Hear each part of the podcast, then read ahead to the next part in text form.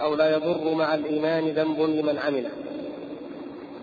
وكنا في الأسبوع الماضي قد تحدثنا حديثا عاما موجزا عن الإيمان وحقيقته ومعناه عند أهل السنة والجماعة وأنه قول وعمل يزيد وينقص وأنه يتركب أو يتكون من أربعة أجزاء. تذكرونها جميعا إن شاء الله. يعني قولنا قول وعمل ينقسم كل منهما إلى قسمين أو جزئين. نعم. قول اللسان وهو الإقرار بالشهادتين وما بعدهما. وقول القلب وهو التصديق والإقرار بالقلب والاعتقاد.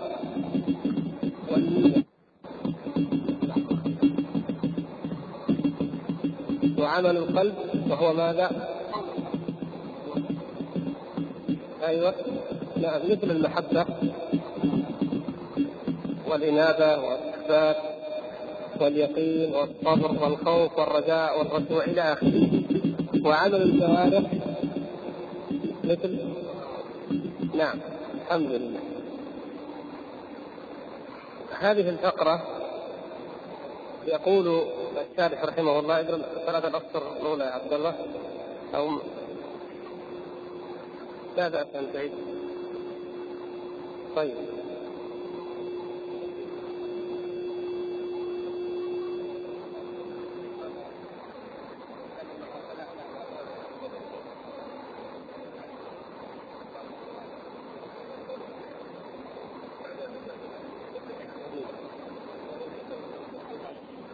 تفضل ولا نكفر احدا من أهل القبلة بذنب.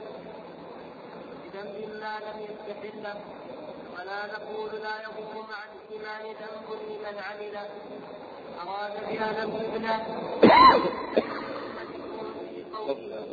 ونسمي على الذين مؤمنين لا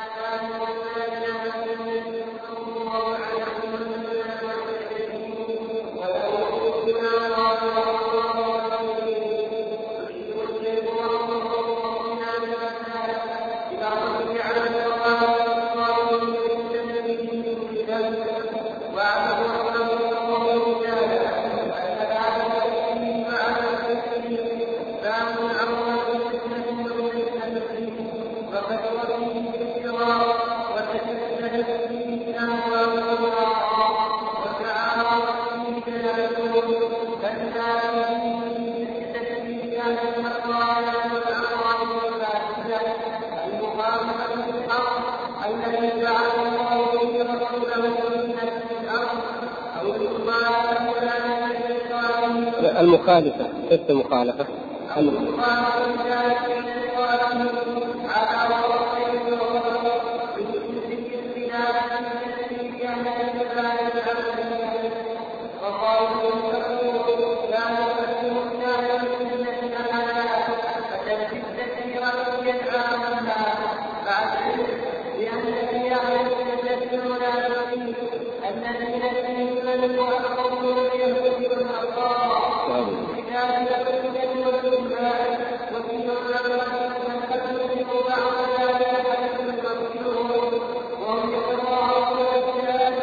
حيث يمكنهم. يعني إذا أمكنهم إظهار الكفر.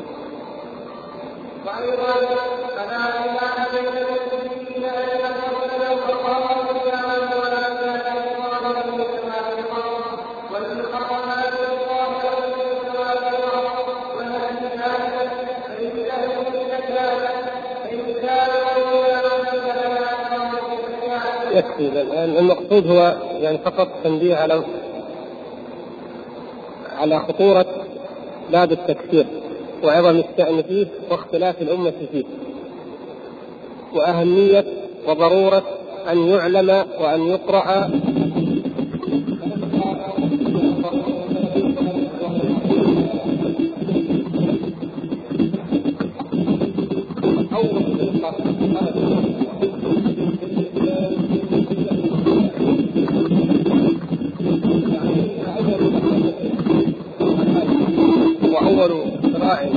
صراع وخلاف العقيدة هو مسألة الخوارج هو الخلاف في تكفير أصحاب الذنوب.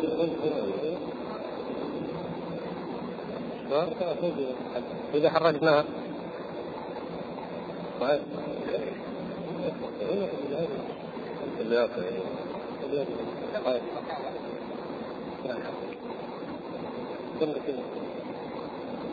لا كذا واضح إن شاء الله بس إذا ما تحرك. إذا أول فرقة خرجت هي الخوارج. وخلافها لم يكن في الصفات ولم يكن في القدر يعني في أول الأمر وإنما كان في الإيمان. فموضوع الإيمان والحكم على مرتكب الكبيرة أي الذي يعصي يرتكب معصية دون الكفر أو الشرك هذا هو أول ما نسب الخلاف فيه بين الأمة وتفرقت فيه لظهور هذه الفرقة. وما معنى الخوارج؟ كلمة الخوارج جمع خارجة. خارجة يعني كلمة خارجة هي صفة لموصوف مقدر التقدير فرقة خارجة أو طائفة خارجة. فجمعت الخارجة هذه جمع تأنيث فأصبحت خوارج. هذا معروف في لغة العرب. مثل ما نقول فاكهة جمعها فواكه. فاطمة جمعها فواطم فواطم نتكلم عن التفسير قواعد. نعم قاعدة جمعها قواعد كما في القرآن. والقواعد من النساء. إلى آخره. هذا كثير. خارجة. إذا أصل الخوارج خارجة. خرجت عن ماذا؟ هذا الأخ يقول خرجت عن الإمام أو عن الإمام الحق. من يوافقه أو يخالفه؟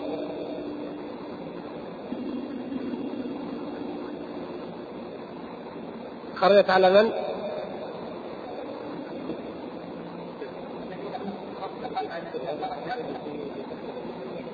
أيوه خرج عن من أو ممن خرجوا عن عن الإجماع أو عن السنة. أيوه يعني عن من؟ عن أي شيء؟ في الحقيقة لا اختلاف.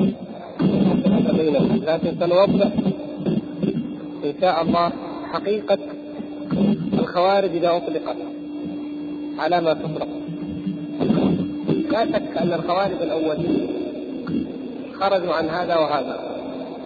يعني خرجوا عن السنة إلى البدعة وخرجوا عن الجماعة إلى الفرقة. وهذا هو معنى الجماعة. كما سنوضح إن شاء الله. أصل لعل كذا إن شاء الله. أصل معنى الجماعة في الإسلام الذي أمر الله تبارك وتعالى به.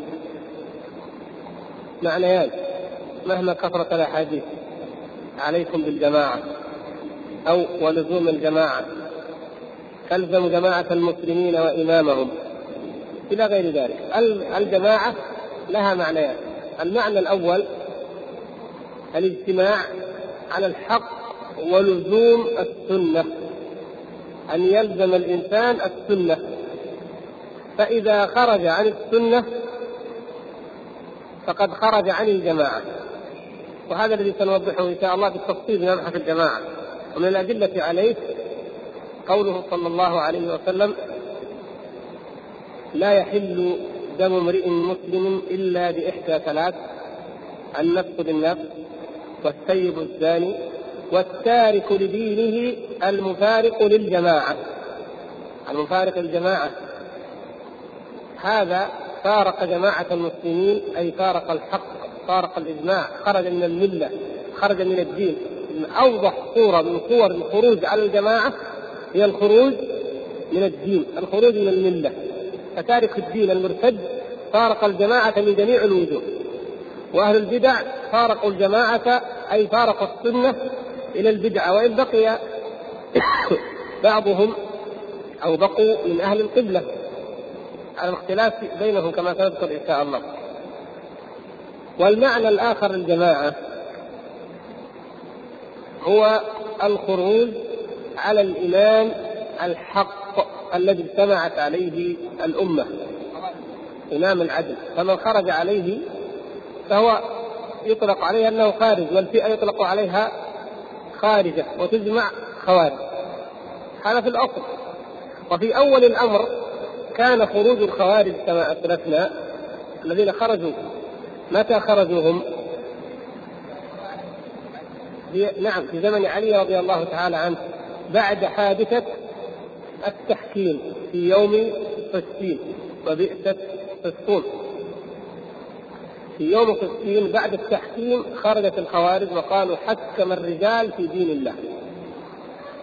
هم شباب أحداث السن مشغوفون بالعبادة والزهد والتطلع إلى الآخرة ولكن لديهم من ضيق الأفق والنظرة ومن الحنق والاندفاع والثورة العمياء صفات لم تكن في الصحابة الكرام رضوان الله تعالى عليهم.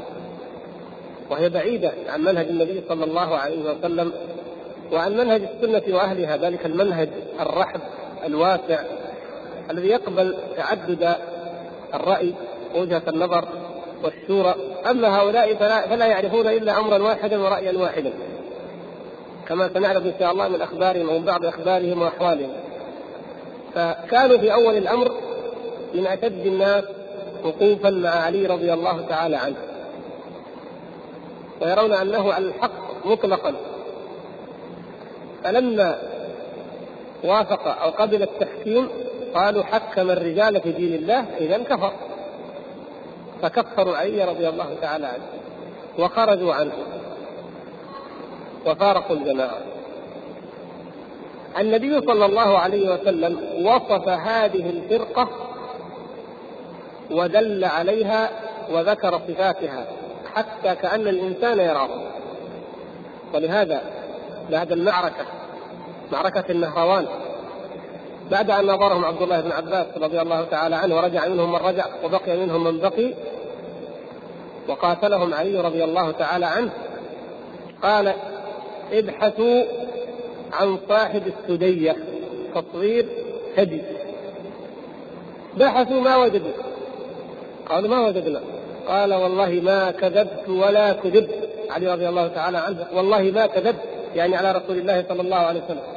وما كذبت ما يمكن يكذب علي رسول الله صلى الله عليه وسلم. ابحثوا عن صاحب السدية رجل من ائمتهم قيل أن اسمه حرقوم بن زهير. فبحثوا عنه فوجدوه في ساقية تحت القفلة فاستخرجوه في عضده مثل الثدي. قالوا هذا هذا صاحب السدية يعني أخبره النبي صلى الله عليه وسلم بأنك ستقاتلهم وأن هذا هو حالهم وشأنهم وأن منهم أو من قادتهم رجل ذو سدية صاحب السدية اذا هؤلاء الناس يعني وصفهم الشاهد أن النبي صلى الله عليه وسلم وصفهم في أوصافهم. ومن جملة ما وصفهم به النبي صلى الله عليه وسلم كما جاء في الحديث يخرجون وفي رواية يمرقون. فلهذا أيضا لتسميتهم خوارج اشتقاق من من اللفظ من لفظ الحديث. وأيضا يسمون المارقة اشتقاقا أيضا من قوله يمرقون من الدين كما يمرق السهم من الرمية. إذا رمى الإنسان رميته فخرقها السهم ومضى. فلا يك... لا يكاد يجد فيه شيئا. وإنما قد يكون فيه أثر من الدم لكنه لا يرى فيها شيئا. فهؤلاء خوارج ومارقة وكانوا يسمون القراء لكثره اجتهادهم في القراءة. هم سموا أنفسهم الشراه لا يرضون أن يسموا خوارج ولا مارقة وإنما يسمون أنفسهم السراة ما معنى السراة؟ أيوة السراة جمع سار الساري الساري المبتاع جمع الساري سراة كما أننا إذا جمعنا الغازي نجمعه على إيش؟ غزاة نعم فقالوا نحن السراة الذين شروا أنفسهم لله يعني باعوا أنفسهم في سبيل الله عز وجل.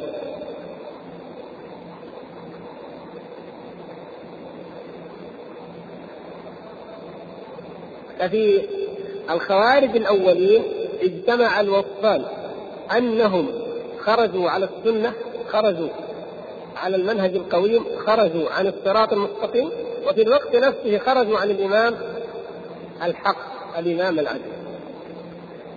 ولما أصبحوا فرقة لما أصبحت الخوارج فرقة من الفرق المعروفة المشهورة لها منهج وتطور هذا المنهج على نحو تاريخي طويل أصبح يطلق على من يعني اختص بمن؟ بأي التسميتين الذين يخرجون على الإمام أم الذين يخرجون عن السنة وعن الدين ويكفرون المسلمين بالذنب؟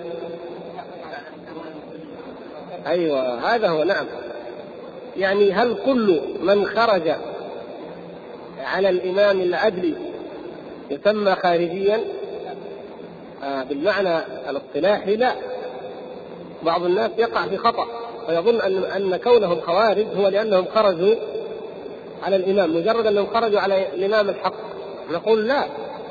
في حالة علي رضي الله تعالى عنه نعم اجتمع فيهم الوصفان لكن بعد أن تحدد الاصطلاح وأصبح علما على فرقة ذات أصول بدعية فلا يجوز أن تسمي خارجيا إلا من كان على هذا الوصف. أما من خرج أو من يخرج على الإمام العادل فله أو اصطلح على تسميته أو وصفه لماذا؟ أيوه البغاة بالبغي أو البغاة والباغي قد يكون من أهل السنة أليس كذلك؟ نعم قد يكون من أهل حتى في زمن علي رضي الله تعالى عنه ومن وجهة نظره ونظرهم على الأقل كان أهل الشام خارجين عن طاعته فهل يسمون خوارج؟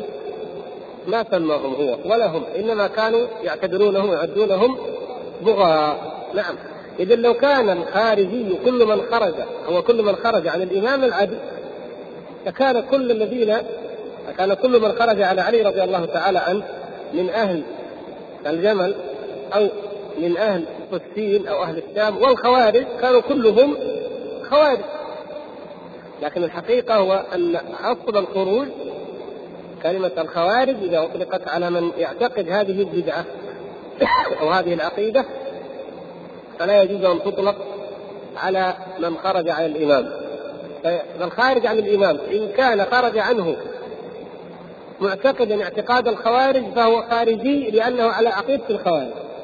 وإن خرج على الإمام أو خرج عن طاعة الإمام على تأويل آخر أو طمعا في الدنيا أو ما أشبه ذلك وخرج عن الإمام الحق فهو باغ ويسمى الباغي ويجمعون على بغاة. فإذا تحدد لدينا عندما نستخدم نحن هنا كلمة الخوارج فالمقصود بهم تلك الفرقة التي مذهبها ودينها أوضح ما في دين الخوارج على كثرة ما تفرع فيما بعد. أوضح وصف للخوارج هو أنهم يكفرون المسلمين بالمعاصي. الذين يكفرون المسلمين بمجرد المعاصي. والذنوب أي بالذنوب والمعاصي التي هي دون الكفر أو الشرك أي التي لم يكفر الله أو رسوله صلى الله عليه وسلم فاعلها يعني في الكتاب والسنة بل هم من عند أنفسهم كفروه وإن كانوا قد تاولوا بعض النصوص الدالة على ذلك. والخروج هؤلاء الخوارج طبقات ودرجات وفرق وإن كان أصل خروجها واحدا. لكن هذه قاعدة ويجب أن ننتبه لها الإخوة الكرام دائما. البدعة مدعاة للفرقة. ما ابتدع قوم بدعة قط إلا وتفرقوا فيها. كل البدع أول ما بدأ الرفض كان التشيع من رجل واحد عبد الله ابن سبع هذا اليهودي ثم أصبحوا كما في كتبهم هم أكثر من سبعين فرقة. الخوارج كذلك وكثرت فرقهم. الصوفية بدأت بأشخاص زهاد يتعبدون إلى آخر ذلك. وانظروا الآن كم كم طريقة لا تستطيعون أن تخطوا طرق الصوفية.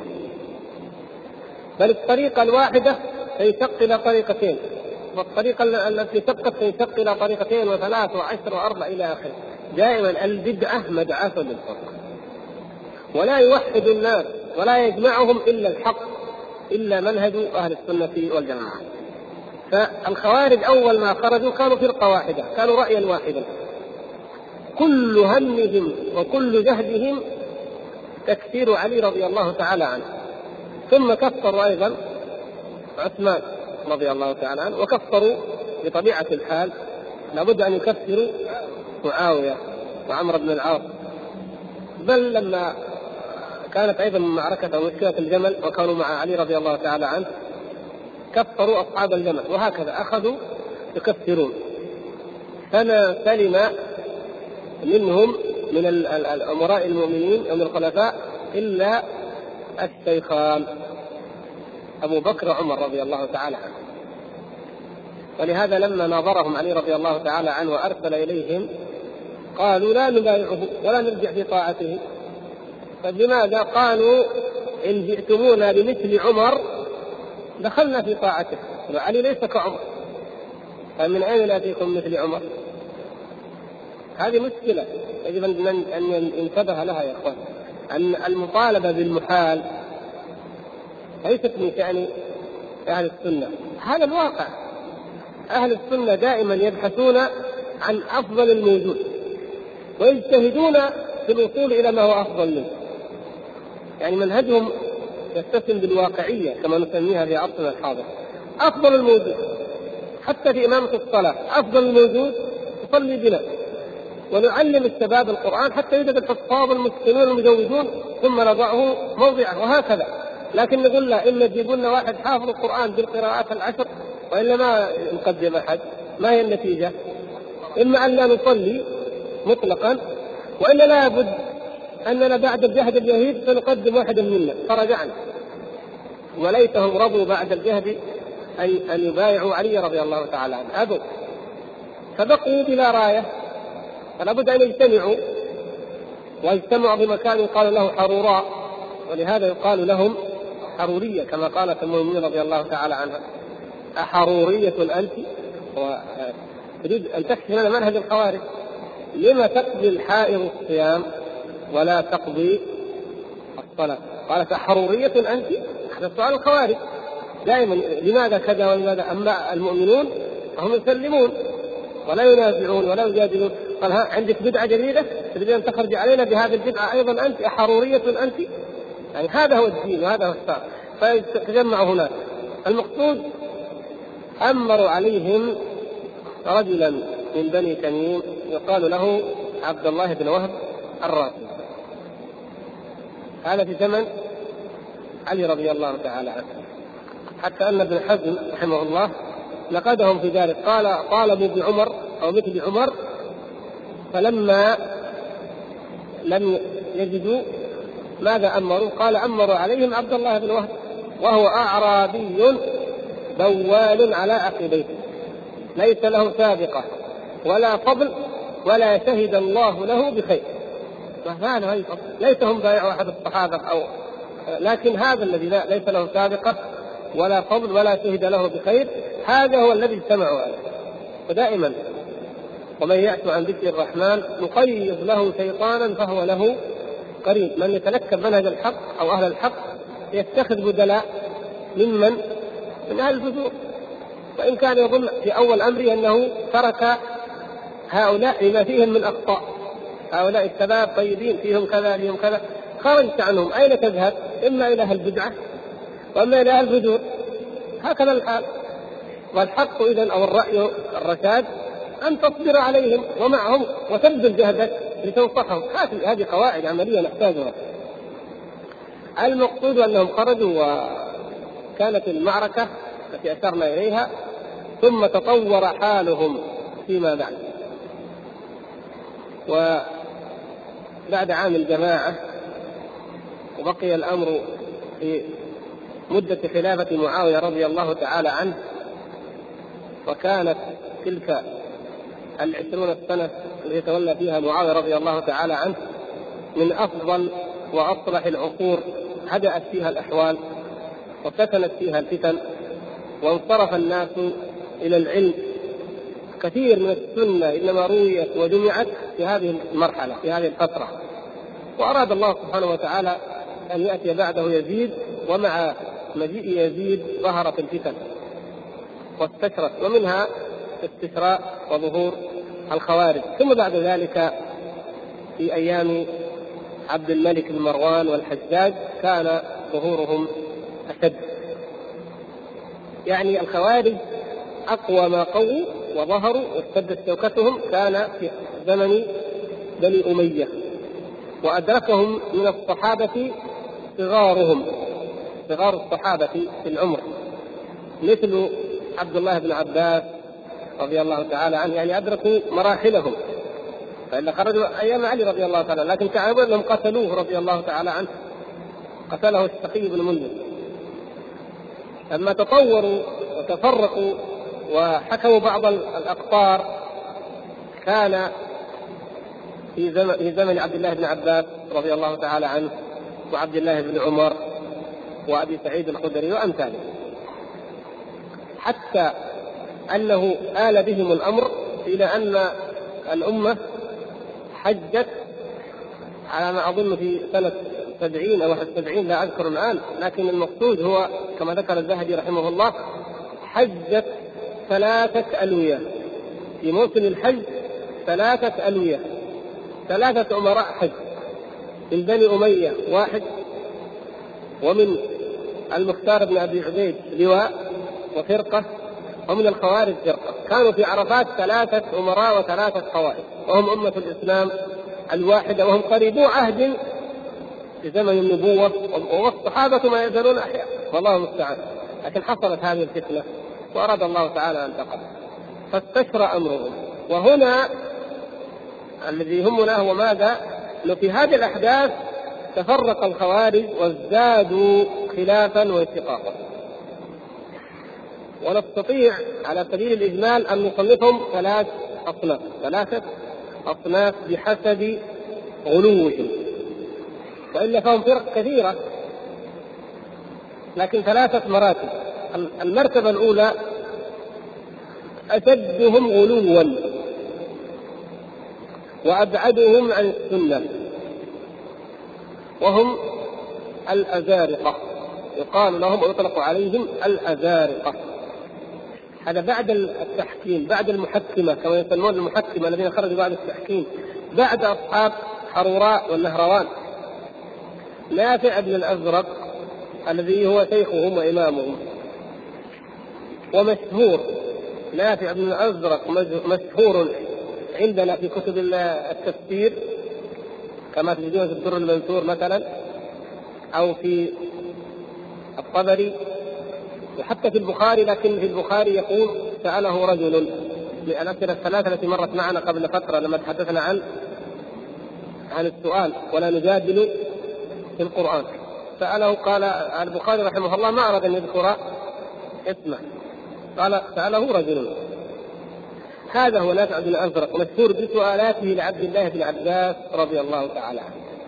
كلها إشكالات. لماذا كذا ولماذا كذا ولماذا كذا ولماذا كذا؟ سبحان الله. ينبني على التسليم والانقياد. لا هؤلاء أسئلة. وبعد أن يجيبه عبد الله بن عباس رضي الله تعالى عنه يقول فما الدليل عليه من كلام العرب؟ وأين ذلك من كلام العرب؟ امتحان فيأتي عبد الله بن عباس رضي الله تعالى عنه بشاهد انظروا كيف العلم البحث. فيأتي بشاهد بشعر من كلام العرب ليوضح لنافع أن هذا من كلام العرب. فاذا تفسيره صحيح. يبغى يتأكد يتأكد ممن من؟ حبر الأمة وترجمان القرآن. هذا أيضا ملحظ من صفات الخوارج. الأعلم الذي يوكل الذي يرجع إليه الأمر في هذا العلم في هذا الشأن يسألونه بعد ذلك يقولون لابد نتأكد يمكن ما هو صحيح. طيب وأين الحق؟ وهذا الملحظ لو وقفنا عنده قليلا لأنه مهم في حياة الخوارج. حياة الأمة الإسلامية عموما ظنوا بعض الناس ظنهم أو اعتقادهم أو تصورهم وخاصه الشباب أن الله سبحانه وتعالى تعبدنا باصابه عين الحق في كل مسألة. هذا هو الخطأ هذا هو أساس البلاء.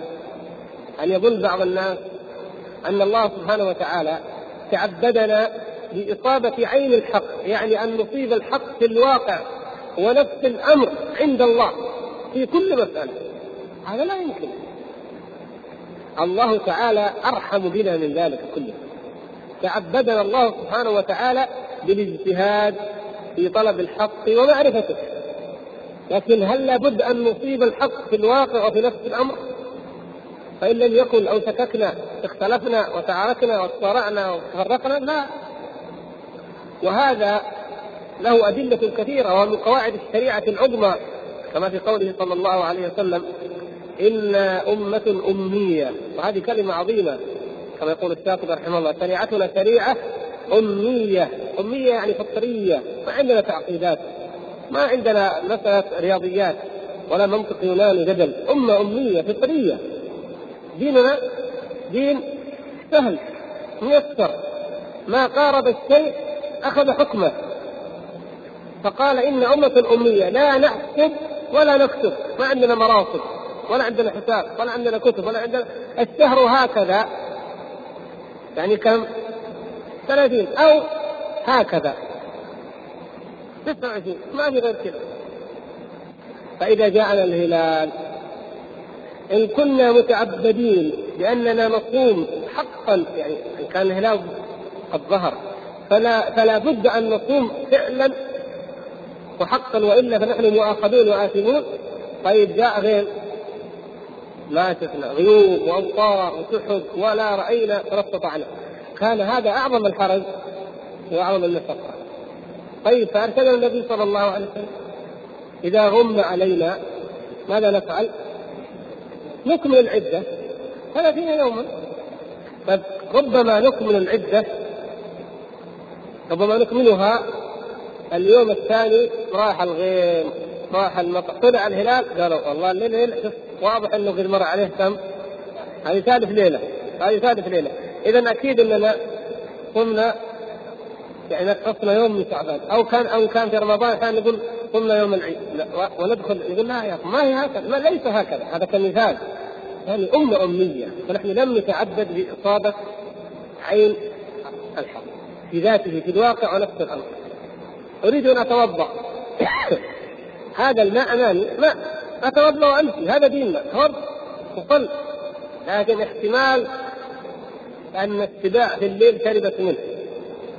وريق السباع نجس. أيوه. كيف أتوضأ ولا ما أتوضأ؟ احتمال يكون كذا.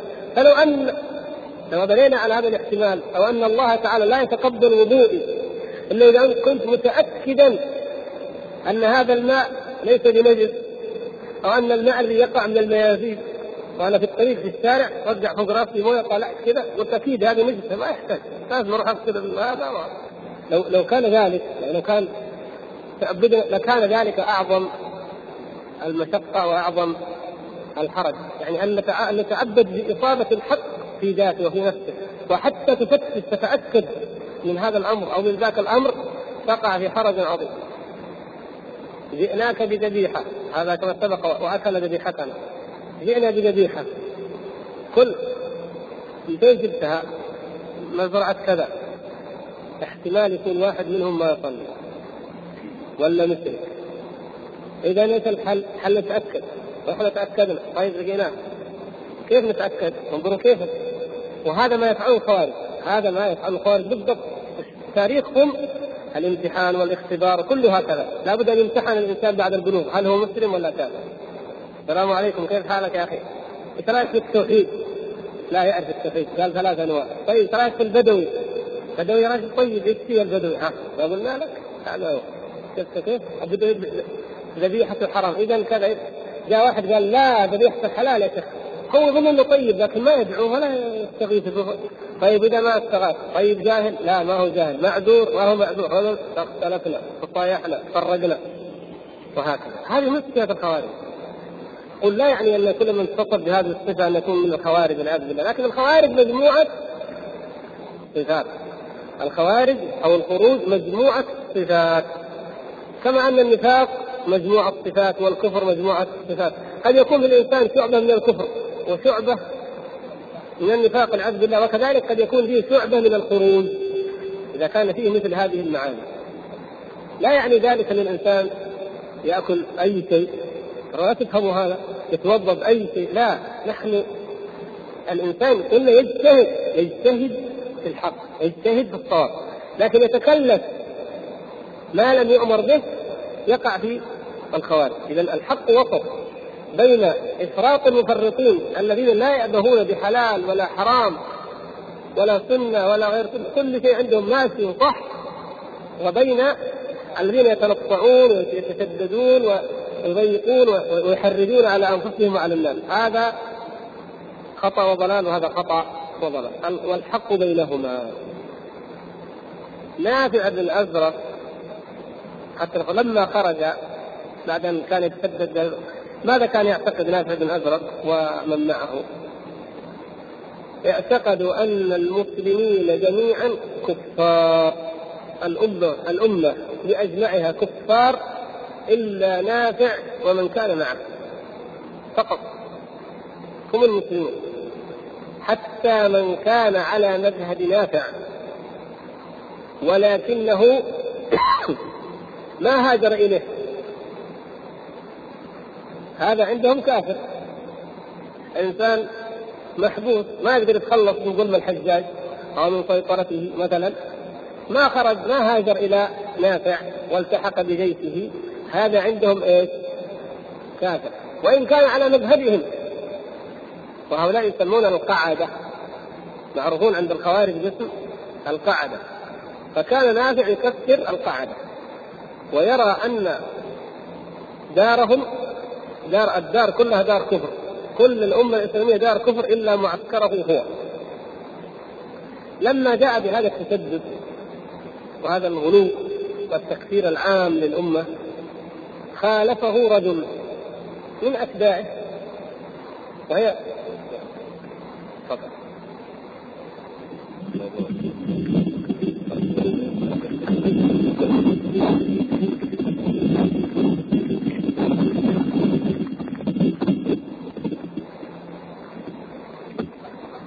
خالفه هذا الرجل الذي يدعى نجدة ابن عامر الحنفي.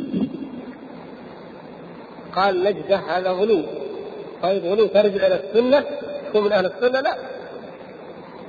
مخالفة نافع نجدة لنافع في أمور يعني أقل خفف الغلو فقط. قال لا. من كان على مذهبنا ولم يستطع أن يهاجر إلينا أو لم يهاجر إلينا لا يكفر. ومن أقمنا عليه الحد لا يكفر أما نافع لا من أقام عليه الحد كفر وارتد واتفقا كلاهما متفقان على ماذا؟ على أن عليا رضي الله تعالى عنه وعثمان ومعاوية وطلحة والزبير وعائشة إلى آخره كفار والعياذ بالله. لكن اختلفوا في مسائل تتعلق بهم هم في داخلهم. فكان من يسمون النجدات. لأن الطائفة الأشد غلوا في الخوارج جميعا هم طائفة إيش؟ الازارقه. وهذا رأيهم التكفير العام المطلق. أقل منهم غلوا أو الوسط عند في مذهب يريد الخوارج هم النجدات أي أتباع من؟ نجده ابن عامر الحنفي فهو خفف قليلا أو شيئا من غلو الأزارقة وبقي في مصائب أخرى ولم يخففها وخرج من الازارقه ومن النجدات أيضا فرق وطوائف لو قراتم مقالات الاسلاميين مثلا الأشعري. كيف توسع فرق الفرق بين فرق البغدادي أو الفصل؟ يعني كلام ما يريد الاطاله فيه إنما يهمنا فقط عرض ل يعني موجز لهؤلاء اتجاهاتهم الرئيسية الرئيسة.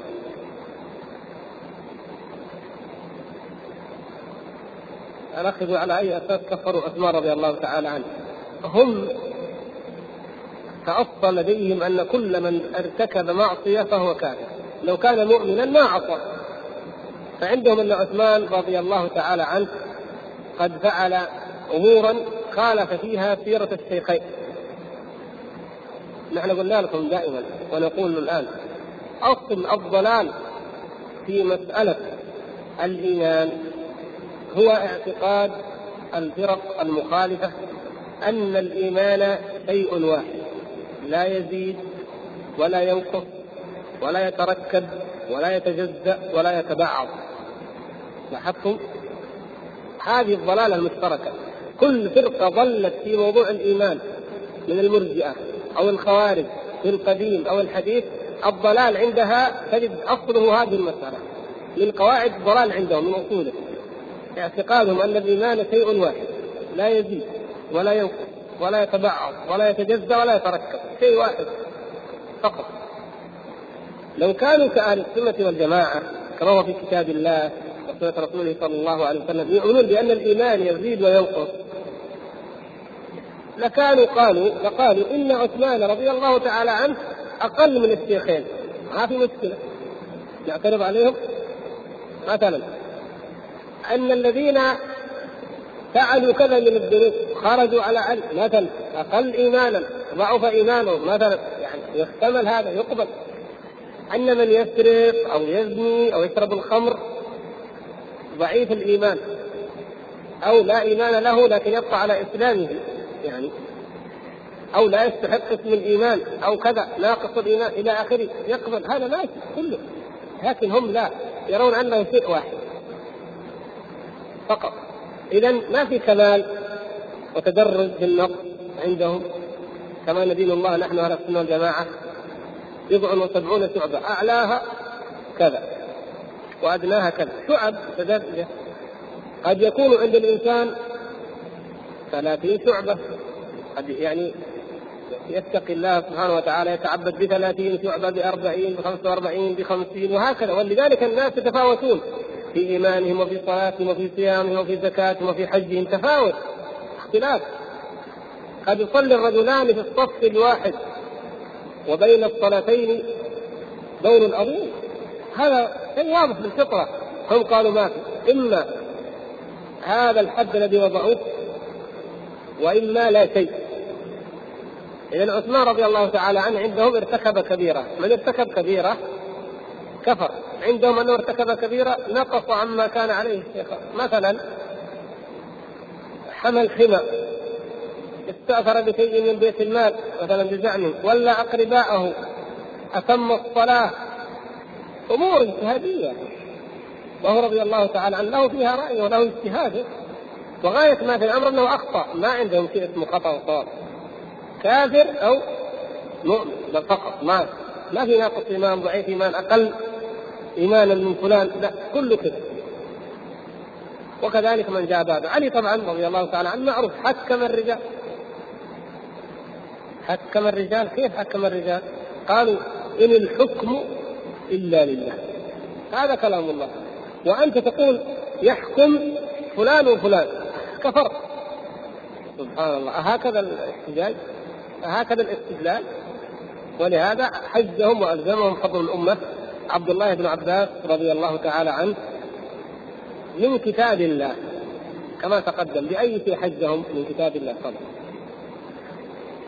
أيوة في الأنعام نعم بجزاء الصيد قال يحكم به عدل منكم أرنبة أو غزالة أكبر شيء الزرافة. قال العلماء إذا إذا قتل الزرافة فعليه إيش؟ بدنة نعم ناقة لأن مثلها يعني. يعني كل شيء من جنسه فكيف نعرف؟ يحكم به ذوى عدل من طيب هذا الأمر الآخر ألزمهم رضي الله تعالى عنه. نعم. الإفك إيش وجه التحكيم؟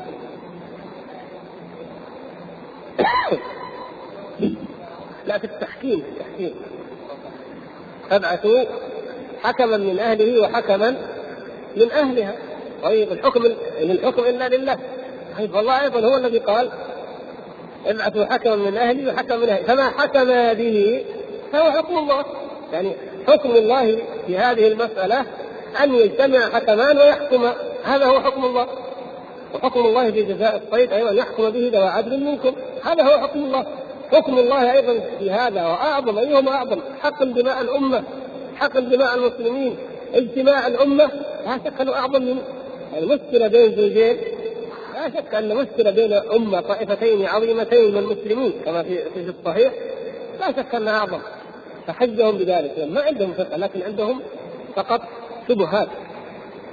عندهم آراء يجمعونها ويتصلبون عليها ولا يقبلون فيها نقاشا فهم بذلك يكفرون الصحابة رضوان الله تعالى عليهم. يعني لاحظوا هم أصل القضية عند الخوارج. ليست انه جلس نظر وفكر في الأدلة وجد حديثا لا يزني الزاني حين يزني وهو مؤمن. آه إذا الزاني كافر. ولا يسرق السارق حين يسرق وهو مؤمن. إذا السارق كافر. ليس هكذا. كل أهل البدع. تذكرون ماذا قرأنا في اللالكائي قبل ماذا قال؟ ما الذي أخرجهم؟ ما سبب ضلالهم؟ الخصومات. نعم الخصومات. الجدل والخصومات خاصموا علي رضي الله تعالى عنه تجادلوا واختلفوا. فمرتكب الكبيرة الذي يتكلم فيه الخوارج أول الأمر ما هو الزاني والسارق ليس الزاني. لا يعنون علي رضي الله تعالى عنه وعثمان والصحابة. انظروا الجهل والضلال له لكن فيما بعد قالوا اذا كل مرتكب كبيرة فهو كافر فقاسوا على يعني على أولئك. لكن الضلاله الكبرى جاءتهم ان مرتكب الكبيرة عندهم أول أمر. أخي على طريق الحق هنا منتصف الشريف. فهذا كان مذهب نافع. أن نرجع للتخطيط. ومن؟ ونجدة. خرجت بعد ذلك فئة التي يقال إنها معتدلة كما كتب ألف واحد منهم الأباضية فرقة إسلامية معتدلة. أي معتدلة؟ هذه المعتدلة هي التي خرجت فيما بعد لزعامة عبد الله ابن أباض التميمي أو الأزدي عبد الله بن أباض. قالوا عبد قال عبد الله بن أباض لا يعني خالف نافعا وخالف نجدة أيضا خفة وقال الكفر كفر دون كفر أو الكفر كفر النعمة كما يسميهم البعض. وهم المؤمنون قطعا المؤمنون هم يعني الأباضية والخوارج. لكن لا يكفر من الأمة الأمة الإسلامية خارجهم غير الخوارج. ليسوا كفارا خارجين من الملة. كفر كفرهم كفر نعمة يعني كفر دون كفر. إلا السلطان وعسكره. فقط. يعني الذين يخرجون من الملة من؟ السلطان وعسكر السلطان. وجيش السلطان. هؤلاء خارجين من الملة. الخوارج القضية عندهم الهاجس في ذهن الخوارج في جميع فرقهم ومقالاتهم هو ماذا؟ هو السلطه أو الحاكم الخليفة. هذا هو. هذا يعني كأنه إذا صلح صلح كل شيء. وإذا فسد فسد كل شيء.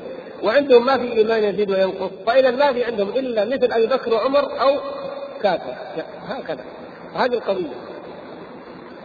ولهذا استحل الخوارج دماء المسلمين المخالفين لهم. وقالوا دارهم دار كفر. إما كفر مخرج من الملة كما هو رأي الأزارقة والنجات أو كفر نعمة يعني كفر دون كفر لكن في الآخرة خالد مخلد في النار إلى آخره وهو كما يقول الاباضيه يعني النظرة عند هؤلاء الأمة لماذا تكفر حتى لو كان كفرا أصغر لماذا؟ يعني ما الإيمان؟ ما الإسلام؟ على أي شيء يمتحن الناس؟ على أي شيء يوالى الناس؟ على أي شيء يعاد الناس؟ على موقفهم من السلطان وعسكره هذا هو هذا عندهم أصل الإيمان والدين الولاء والبراء عندهم. فإن قال رجل عبد الملك بن مروان خليفتنا أمير المؤمنين كفروا خلاص هذا كافر لأنه يواليه أو كان من جنده مثلا. هذا هو هذا كافر خلاص هذا العدل. وإن وإن تبرأ منه فهو المسلم وهو المؤمن. هذا الإيمان عنده ولذلك استحلوا أن يغزوا وأن يهاجموا العوام القبائل في أواسط نجد خاصه هناك ثم في بلاد فارس ثم في عمان ثم انتشروا في المغرب وأنشأوا دول في المغرب وأنشأوا دول في في بلاد الفرس يستحلون دماء المسلمين لماذا؟ يقول هؤلاء كفار لأنهم لم يعينونا ولم يخرجوا معنا على حكام الجور والسلاطين الظلم. ولذلك الشعبي رحمه الله وهو صاحب آه، دائما لديه آه، دعابة أحيانا لديه رأي سديد وتفكير يقول ابن سعد أنه ضرب لهم ضرب الخوارج يروي عنهم بالسند أنه ضرب الخوارج مثلا. قال حالهم أو شأن هؤلاء كرجل مات وترك ثلاثة أبناء. ثلاثة أبناء كبير وأوسط وصغير أو أصغر. فجاء الكبير فاستأثر بالمال كله. القوي يعني الكبير استأثر بالمال أخذ مال الأب كله. ولم يترك للاثنين شيئا. فجاء الأوسط للأصغر. وقال له أعني على قتال الكبير. فقال الأصغر أنا لا أستطيع أن أقاتله ولكن أصبر وأحتسب. ما أخذ من حقه فعدا عليه يقاتله. الأوسط عدا على مين؟ على الصغير يقاتل لأنه لم يخرج معه لم يقاتل معه الأكبر. هذا المثال مبسط فعلا يدل على حقيقة وضع الخوارج طيب عبد الملك بن مروان أو الحجاج أخذ بيت المال وظلم الناس وفعل وفعل. يعني فليكن. طيب يقولون للناس إما أن تشتركوا معنا لنقاتل هؤلاء أبى الناس ذلك وإلا إيش؟ قاتلناكم أنتم. فأخذوا يستحلون أموال الناس. لأنهم لم يخرجوا معهم ويقاتلوا معهم عبد الملك والحجاج ومن بعده ويأخذوا حقهم ويأخذوا نصيبهم من بيت المال ومن أكثر ما أخذوا على بني أمية كما تعلمون مخالفة بني أمية لم تكن في الاعتقاد. أوضح ما كان مخالفة بني أمية في المال. يعني لا شك أن بني أمية خاصة بعد معاوية رضي الله تعالى عنه خالفوا سيرة النبي صلى الله عليه وسلم وخلفائه الراشدين في بيت المال. فبيت المال إنما هو للمسلمين. ولذلك أبو بكر رضي الله تعالى عنه بويع بالخلافة وذهب. يريد أن يكدح تعال يا خليفة رسول الله إلى أين؟ عيالي فرتبوا له من بيت المال. ما يكفيه يريد أن يكدح على عياله. كأي مسلم. وضعوا لهم بيت المال وعمر رضي الله تعالى عنه تعلمون ماذا فعل. تعلمون عدله حتى مع أهله حتى مع بعض أبنائه حتى يعني لا يمكن أن يسمح أن أن ينال من بيت المال ولو جانق ما هو درهم؟ جانق لا يمكن يؤخذ من بيت المال. ليأخذه عمر لنفسه. ابدا. بل يعني يذكر عنه العجائب رضي الله تعالى عنه. أنه ذهب مرة إلى السوق فوجد ابلا ثمانا اثمن من غيرها من الإبل. سوق الإبل في المدينة. وهي مال العرب. والابل مال العرب. أغلى شيء عند العرب. وإذا العشار عطلت. فقال لمن هذه الإبل؟ قالوا هذه لعبد الله بن عمر. لابنك عبد الله بن عمر. فدعا عبد الله. قال يا عبد الله هذه الإبل لك قال نعم قال ما لي أراها اصل من غيرها من الإبل. والله يا أمير المؤمنين لا علم لي. هذه ابلي واستأجرت لها الرعاه يرعونها كونها اثمن قال لا هذه الإبل إذا ذهبت عند الماء قيل إبل ابن أمير المؤمنين فتشرب قبل إبل المسلمين.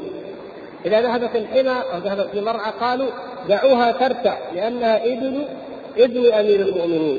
آه. فلذلك كانت اثمن من غيرها.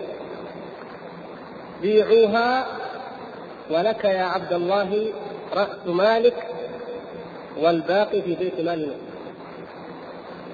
ما في كل شيء هكذا بالقسطاس بالحق بالعدل فلما كان ذلك سيرتهم ولا شك أنها سيرة عالية راقية. وهذا الذي يجب ان يعني تتطلع الأمة إلى أن توجد نسبه وإن وجد من يخالف تقول له يعني لو نصح معاوية رضي الله تعالى عنه مثلا أو من بعده قيل له كن كعمر كن كأبي بكر. يعني يجب أن يكون وأن يقال له ذلك حتى تبقى عند الأمة هذه الصورة العليا. لكن أيضا في تفاوت في درجات ليس الأمر كله كذلك. فكان الوضوح أوضح ما يكون الانحراف في في عهد بني أمية أوضح ما يكون في بيت المال. يعني عبد الملك بن مروان والوليد بن عبد الملك ثم سليمان عجيب حتى جاء عمر رضي الله تعالى عنه. عمر بن عبد العزيز الذي سار بسيرة جده عمر بن الخطاب فرد المظالم ورد الأموال حتى أنه رد عقد زوجته فاطمة بنت عبد الملك وهو عقد أعطاه إياها أبوها وأقره عليه أخواها رده إلى بيت المال. وهكذا. أرجع إلى الناس مظالمهم حتى شكرت له الأمة ذلك. حتى يعني يذكر التاريخ في سيرته كما ذكر ابن الجوزي بن عبد الحكم. أن عمر بن عبد العزيز رضي الله تعالى عنه جاء بعد يعني في أيامه أخذ من المظالم فردها للإنسان من جملة ما رد من المظالم. فجاء هذا الرجل بعد وفاته بزمن إلى هشام بن عبد الملك. قال يا أمير المؤمنين إنه كانت لي ضيعة. أو بستان وهبني إياها أبوك عبد الملك وأقرني عليها أخوك الوليد وأخوك سليمان. ثم جاء عمر رحمه الله فنزعها مني. وأرجو أن تعيدها لي. قال أعد ما تقول. أعد ما تقول يا رجل. قال إنه كانت لي ضيعة. هكذا. أعاد الكلام. أعطاني إياها أبوك عبد الملك ثم أقر علي أخوك الوليد وسليمان حتى جاء عمر رحمه الله فنزعها مني سبحان الله فترحم على من أخذها ولا ترحم على من أعطاك. هذا الواقع يعني الأمة بفطرتها تشهد له إنه على الحق. وان كان حرمها ما ظلمها. انما أخذ منها الظلم ونزع. والذين أعطوا بغير حق لا يذكرون ولا يذكرون ولا يقال رحمه الله. هذا جزاء في الدنيا وما عند الله يكد نعوذ بالله. المهم بيت المال أمر عظيم. فكان الخلاف في مسألة بيت المال. أوضح ما كان عند الخوارج. فالخوارج كانوا يجادلون من يجادلون في هذا. ولهذا ضرب لهم الشعبي رحمه الله هذا المثل. قال لما قال الأوسط للأصغر تعال معي نأخذ حقنا. قال لا أنا أصبر وأحتسب. كثير من الأمة كثير من الناس البوادي في وسط الجزيرة غيرها قالوا نقاتل الوليد حتى يعطينا حقنا من الفيء من بيت المال لا نقاتل. أمره إلى الله. آه إذا لا تقاتلونه إذا أنتم تقرونه إذا أنتم كفار فقاتلوهم. هذه مشكله الخوارج. ولهذا لما قدموا على أبي مجلس السدوسي وهو من التابعين المشهورين جاءوا إليه الخوارج. جاء نفر منهم يناظرونه. وقالوا له اقرأ هذه الآية أو فسر هذه الآية. ومن لم يحكم بما أنزل الله فأولئك هم الكافرون. قالوا أليس هؤلاء يحكمون بغير ما أنزل الله؟ قال بلى. قالوا إذا هم كفار. ولكنك وأمثالك تداهنونهم يعني أنتم علماء مداهنة وعلماء مجاملة وعلماء سوء إلى آخره. تداهنونهم وهم يحكمون بغير ما أنزل الله. فقال لا إن هذا دينهم الذي يدينون به. دينهم الذي يدينون به هو ماذا؟ الحكم ما أنزل الله. لكن يعني معنى لكن يخالفون في العمل. والكفر متى يكون؟ سيأتينا إن شاء الله. ليس الكفر هو مجرد المخالفة في العمل. المخالفة في العمل تقع المعاصي والذنوب تقع. لكن المنهج منهجهم في الحكم ودينهم وشرعهم هو شرع الله هو كتاب الله وسنة رسوله صلى الله عليه وسلم. لكن يغصبون مال هذا يعطون هذا يخالفون في في بيت المال هذا لا يخرجهم. يعني إن شاء الله هذا سيأتي تفصيله بإذن الله ونتعرض للآية ولأنواع الحكم بغير ما أنزل الله ومتى يكفرون ومتى لا إلى آخره. لكن المقصود هو أيضا يعني هذه القضية كانت تشغل بال الخوارج وكانوا يثيرون الأمة. الذنوب والمعاصي التي تقع من الحكام وقد كان بعضهم كذلك. فهؤلاء يريدون أن يقولوا للناس من ارتكب الكبيرة فهو كافر. فإذا كفر الحجاج وكفر عبد الملك وكفر الوليد وكل من أقر هؤلاء أو اعترف لهم بأنهم ولاة بأنهم ولاة أمر للمسلمين فهو أيضا كافر مثلهم. بل غلا نافع. كل من لم يكن معه فهو كافر. الأجدى يقول من لم يكن على مذهبه وإن لم سواء كان معه أو لم يستطع أن يأتي إليه. المهم هذه هذه القضية الأساس عند الخوارج. هل بقي مذهب الخوارج على هذا الأمر؟ لا. البدع دائما تتطور. ودائما تتبدل وهذه من العبر التي يجب علينا نحن الشباب المسلم أن نأخذها دائما وان ندرسها نأخذها بعين الاعتبار. الخوارج الذين كان أصل مذهبهم التعبد كما ذكر النبي صلى الله عليه وسلم ذلك وشهد بنفسه بذلك لهم. تحقرون يعني من؟ يعني الصحابة تحقرون قراءتكم إلى قراءتهم وصلاتكم إلى صلاتهم. هؤلاء مع هذه العبادة مع هذا الغلو الشدة في أخذ الحق في الوقوف عند كتاب الله لكن لأن المنهج على بدعة ما الذي حصل؟ لم ينتهي القرن الأول أو الثاني حتى ظهر من الخوارج من ينكر بعض الحدود ومن ينكر بعض القرآن والعياذ بالله لم ينفعهم الغلو لا يظن أحد أن الغلو نافع أهل البدع يعني من من ابتدع بدعة واصلها وخالف بها الحق لا يغرنك منه قيامه ولا صلاته. لو كان يقوم الليل ويصوم النهار ودموعه دائما لا تنقطع على خده وهو على هذه الضلالة لا يغرك ذلك عياذا بالله. حتى الصوفية الصوفيه أصل مقالتهم أو كلامهم عندما السياحة في الأرض والطواف وذكر الله واخره ترك الدنيا وترك وترك. هل نفعهم ذلك؟ المنهج ابتداع ما نفعهم ذلك. آل بهم الأمر إلى حد استحلال الفروج واستحلال المحرمات والعياذ بالله. ويرون ذلك عين الحياة. وهكذا. فلا يمكن أن يثبت على الحق إلا أهل الحق إلا أهل السنة والجماعة. أولئك لابد أن ينحرفوا. وإن كان أصل مذهبهم هو الزهد مثلا كما كان حال الخوارج أو الصوفية. أصل المذهب هو الزهد البعد عن المعاصي. يتجنبونها تماما لكن هل يتجنبونها على منهج السلف أم على منهج بدعي؟ على منهج بدعي. ولذلك سيقعون في المعاصي وما هو أكبر من المعاصي. فهذا الخارجي الذي كان يقول إذا خالف الإنسان في آية أو حديث يكفر أصبح هو يخالف في أمور عظيمة. من ذلك أنهم قالوا إن الرجم للزاني غير صحيح. ما هو ما هو من القرآن؟ ما هو من من الدين؟ ليش؟ قالوا ليس في كتاب الله. ليس الرجل في كتاب الله. إنما ذكر الله الجلد. أجلد 100 جلدة. الزانية والزاني اجلد كل واحد منهما 100 جلدة. فين الرجل؟ هكذا قالوا. يعني بدأوا ينكرون السنة. فإذا قلت فلان قالوا من فلان؟ يعني جئت بالحديث عن علي عن عائشة عن طلحة عن الزبير عن ابن عباس. هو اما من الكفار عندهم أو من جنود السلطان وأتباع السلطان. اذا ما في دليل. اذا وإن كان أصل خروج التشدد بالعبادة كفروا وهم خرجوا عياذا بالله. كما قال عبد الله بن عباس رضي الله تعالى عنه وقد أدرك مقالتهم قال من كفر بالرجم فقد كفر بالقرآن. كيف من كفر بالرجم فقد كفر بالقرآن؟ أيوه.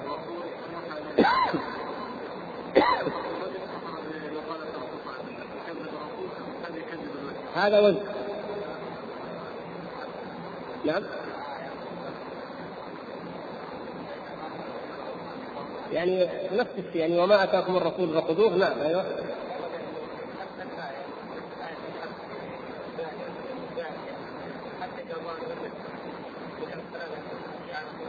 لهن نعم يعني هذا أيضا وجه وهو أنه حتى يجعل الله لهن سبيلا السبيل قال صلى الله عليه وسلم قد جعل الله لهن سبيلا والسبيل هو الرجم أو الصيد قال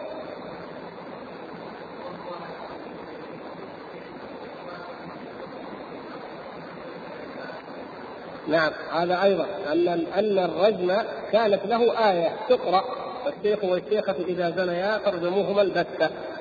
ثم نسخت تلاوتها وبقي حكمه. طيب توجيه آخر في كلام ابن عباس.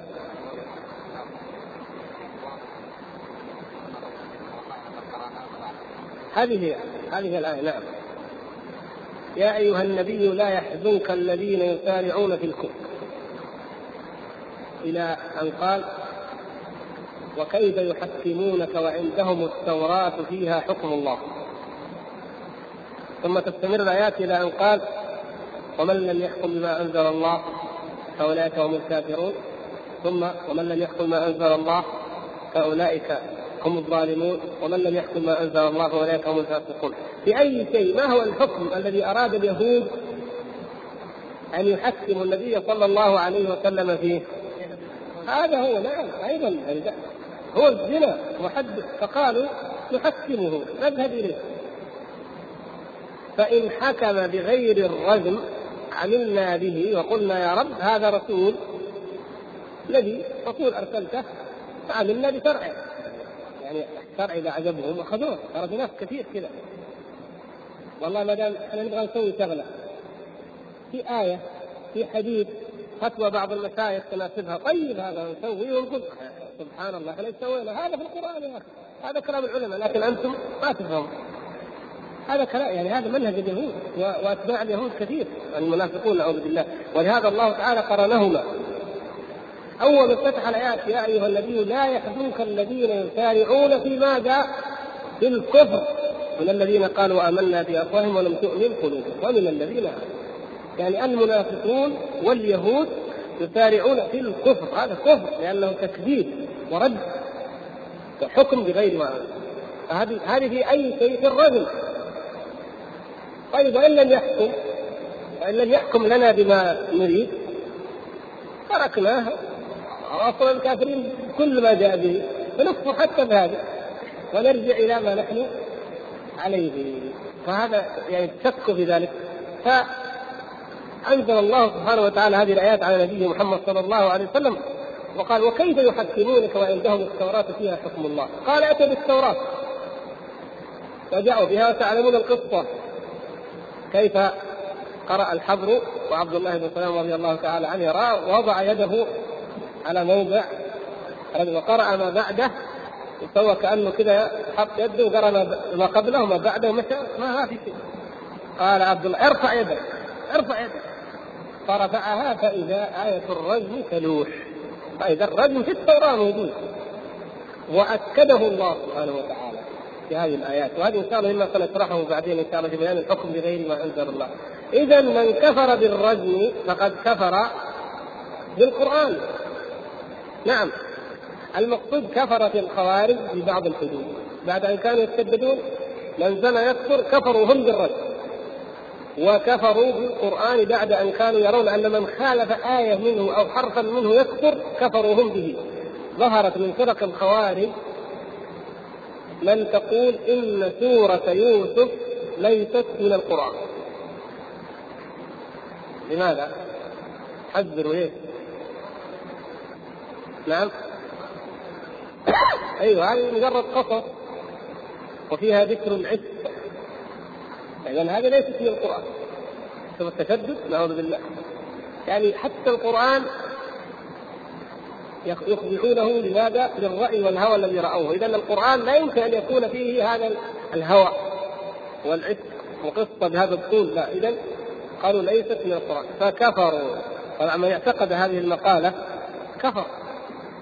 سواء كفر كما ذكرنا في موضوع القرآن كفر بآية أو بسورة أو ولو بحرف واحد مما ثبت فقد كفر والعياذ بالله. فكفروا. فآل بهم الحال نسأل الله العافية والعافية أنهم بعد التشدد والتنطع والغلو في الدين أصبحوا هم كفارا يعني خرج منهم طوائف كفرت فيها. فالمقصود عليه الحال يقول رحمه الله أراد بأهل القبلة الذين تقدم ذكرهم في قوله ونسمي أهل قبلتنا مسلمين مؤمنين السابق يعني ما داموا بما جاء به النبي صلى الله عليه وسلم معترفين وله بكل ما قال وأخبر مصدقين. يقول يسير الشيخ رحمه الله بهذا الكلام إلى الرد على الخوارج القائلين بالتكفير بكل ذنب. هنا مذهب الخوارج ماذا؟ التكفير بكل ذنب بكل كلمة كل ضعوا تحتها خط لأن بعدين سنناقش العبارة هذه. هل هي العبارة عبارة الشارح قوله ولا نكفر أحدا من أهل القبلة بذنب؟ هل العبارة سليمة مطلقا ولا تحتاج إلى استدراك؟ الشرح جيد. قال التكفير بماذا؟ بكل ذنب. لو قال القائلين بالتكفير بالذنب لا. الذنب قد يكون منه مكفر. نعم لكن قال بكل ذنب. طيب. واعلم رحمك الله وإيانا أن باب التكفير وعدم التكفير باب عظمت الفتنة والمحنة فيه وكثر فيه الافتراق وتشتتت فيه الأهواء والآراء. سبحان الله تجد أن الفرق جميعا ضلت وتخبطت في هذا الباب في موضوع التكفير. وإن شاء الله سنعرف النماذج من كلامهم من الخوارج ومن المرجئة وغيرهم. ترون العجب العجاب. لماذا يكفر الذين ينفون الصفات؟ يكفرون بماذا؟ بإثبات الصفات. الذين ينكرون القدر يكفرون الناس بماذا؟ بإثبات القدر الذي جاء بالكتاب والسنة. يعني عجب عجب من أحوال الناس. والمرجئة يكفرون كل من قال مثلا لقول الخوارج أو وافق بعضه والخوارج يقولون وهكذا يعني يكفرون كما رأينا من لم يكفر مرتكب الكبيره وهكذا. باب عظمت فيه الفتنة. يقول وتعارضت فيه دلائلهم. فالناس فيه. بعد كلمة فيه حطوا خط علامة اعتراض. فيه قال في جنس تكفير أهل المقالات والعقائد الفاسدة المخالفة للحق الذي بعث الله به رسوله صلى الله عليه وسلم في نفس الأمر أو المخالفة لذلك في اعتقادهم أفصل الاعتراض على طرفين ووسط. يعني فالناس فيه على طرفين ووسط. هذه العبارة. لكن دخلها الاعتراض. في ماذا؟ في المقالات في الاعتقادات على طرفين ووسط. قال من جنس الاختلاف في تكفير أهل الكبائر العملية. ما المقصود بالكبائر العملية؟ أيوة الكبائر الظاهرة نعم واضح. الزنا السرقة شرب الخمر الخيانة القذف هذه كبائر عملية. أيضا الخلاف طويل وكثير وشديد وقائم. في ماذا؟ في الاختلاف في التكفير بالمقالات يعني بالاعتقادات هل من يعتقد كذا يكفر أو لا يكفر؟ إذا الخلاف يدخل في بابين أو التكفير يدخل في ماذا؟ في بابين في باب البدع أو المقالات أو الاعتقادات المخالفة لما جاء الله أو جاء به الله ورسوله أو بعث الله به رسوله صلى الله عليه وسلم في نفس الأمر هناك عقائد وبدع تخالف ما جاء به الشرع والدين في نفس الأمر أو في اعتقاد المخالف. يعني قد تكون مخالفة حقيقة لما جاء به الرسول صلى الله عليه وسلم وقد تكون مخالفة فقط في نظر أو في اعتقاد المخالف فيكفر من خالفه. فهذا التكفير في الاعتقاديات. وأما في العمليات فالأمر فيه واضح وهو أن هؤلاء الضلال الذين ضلوا عياذا بالله خوارج يكفرون المسلمين بارتكاب الكبائر العملية فمن زنى أو سرق أو شرب الخمر فهو عندهم كافر. وهذا خلاف ما صرحت ونصت عليه نصوص الكتاب والسنة. وليس هناك كبيرة أعظم من قتل النفس المعصومة يعني بعد بعد الكبائر بعد الشرك الكبائر. قتل النفس المعصومة. كبيرة. فهل كفر الله تبارك وتعالى من قتل نفسا أو من قاتل مؤمنا؟ يعني النبي صلى الله عليه وسلم بنفسه يقول قتال المؤمن قتال المؤمن. سباب المسلم فسوق وقتاله إيه؟ كفر كفر القتال كفر.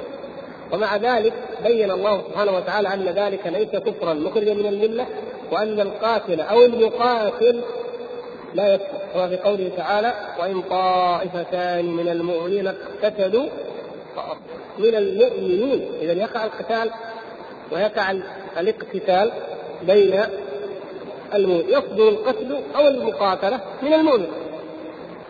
اذا هذا ضلالهم في باب الكبائر. فعندنا اذا الكلام في موضوعين في موضوعين أو موضوعين إن شاء الله سنمشي عليها. نذكركم بهذا الكلام فيما بعد افضل وهو اعتقاديات أو علميات أو خبريات والأمر الآخر هو ماذا؟ هو العمليات. عرفتم الفرق بينهما؟ إن شاء الله تعالى. الوقت قرب ها؟ طيب آه اولا طبعا كما تعلمون نحب أن نخبر الإخوة إن شاء الله. سوف نتوقف طبعا في أيام الحج. لكن ليس فقط لأجل الحج لكن عندنا يعني ارتباطات ونسافر إن شاء الله يحيينا الله وإياكم. فشهر شهر الحج كله يعني قد يكون ثلاثة أسابيع. نعم. والرابع أيضا مشكوك فيه. وإن شاء الله سوف نعلن لكم متى نبدأ. يعني قد يكون شهرا كاملا قد تكون أربعة أسابيع. أو على الأقل ثلاثة. وغالبا تكون أربعة. نعلن لكم إن شاء الله متى نبدأ. بإذن الله تعالى بعد الحج أو قبيل يعني البداية أو قبلها. ونرجو من الإخوة الكرام كما ذكرنا وأشرنا أن يقرأوا في باب الإيمان. ما يعني الكلام عن الخوارج عن الفرق لا يهمنا كثيرا.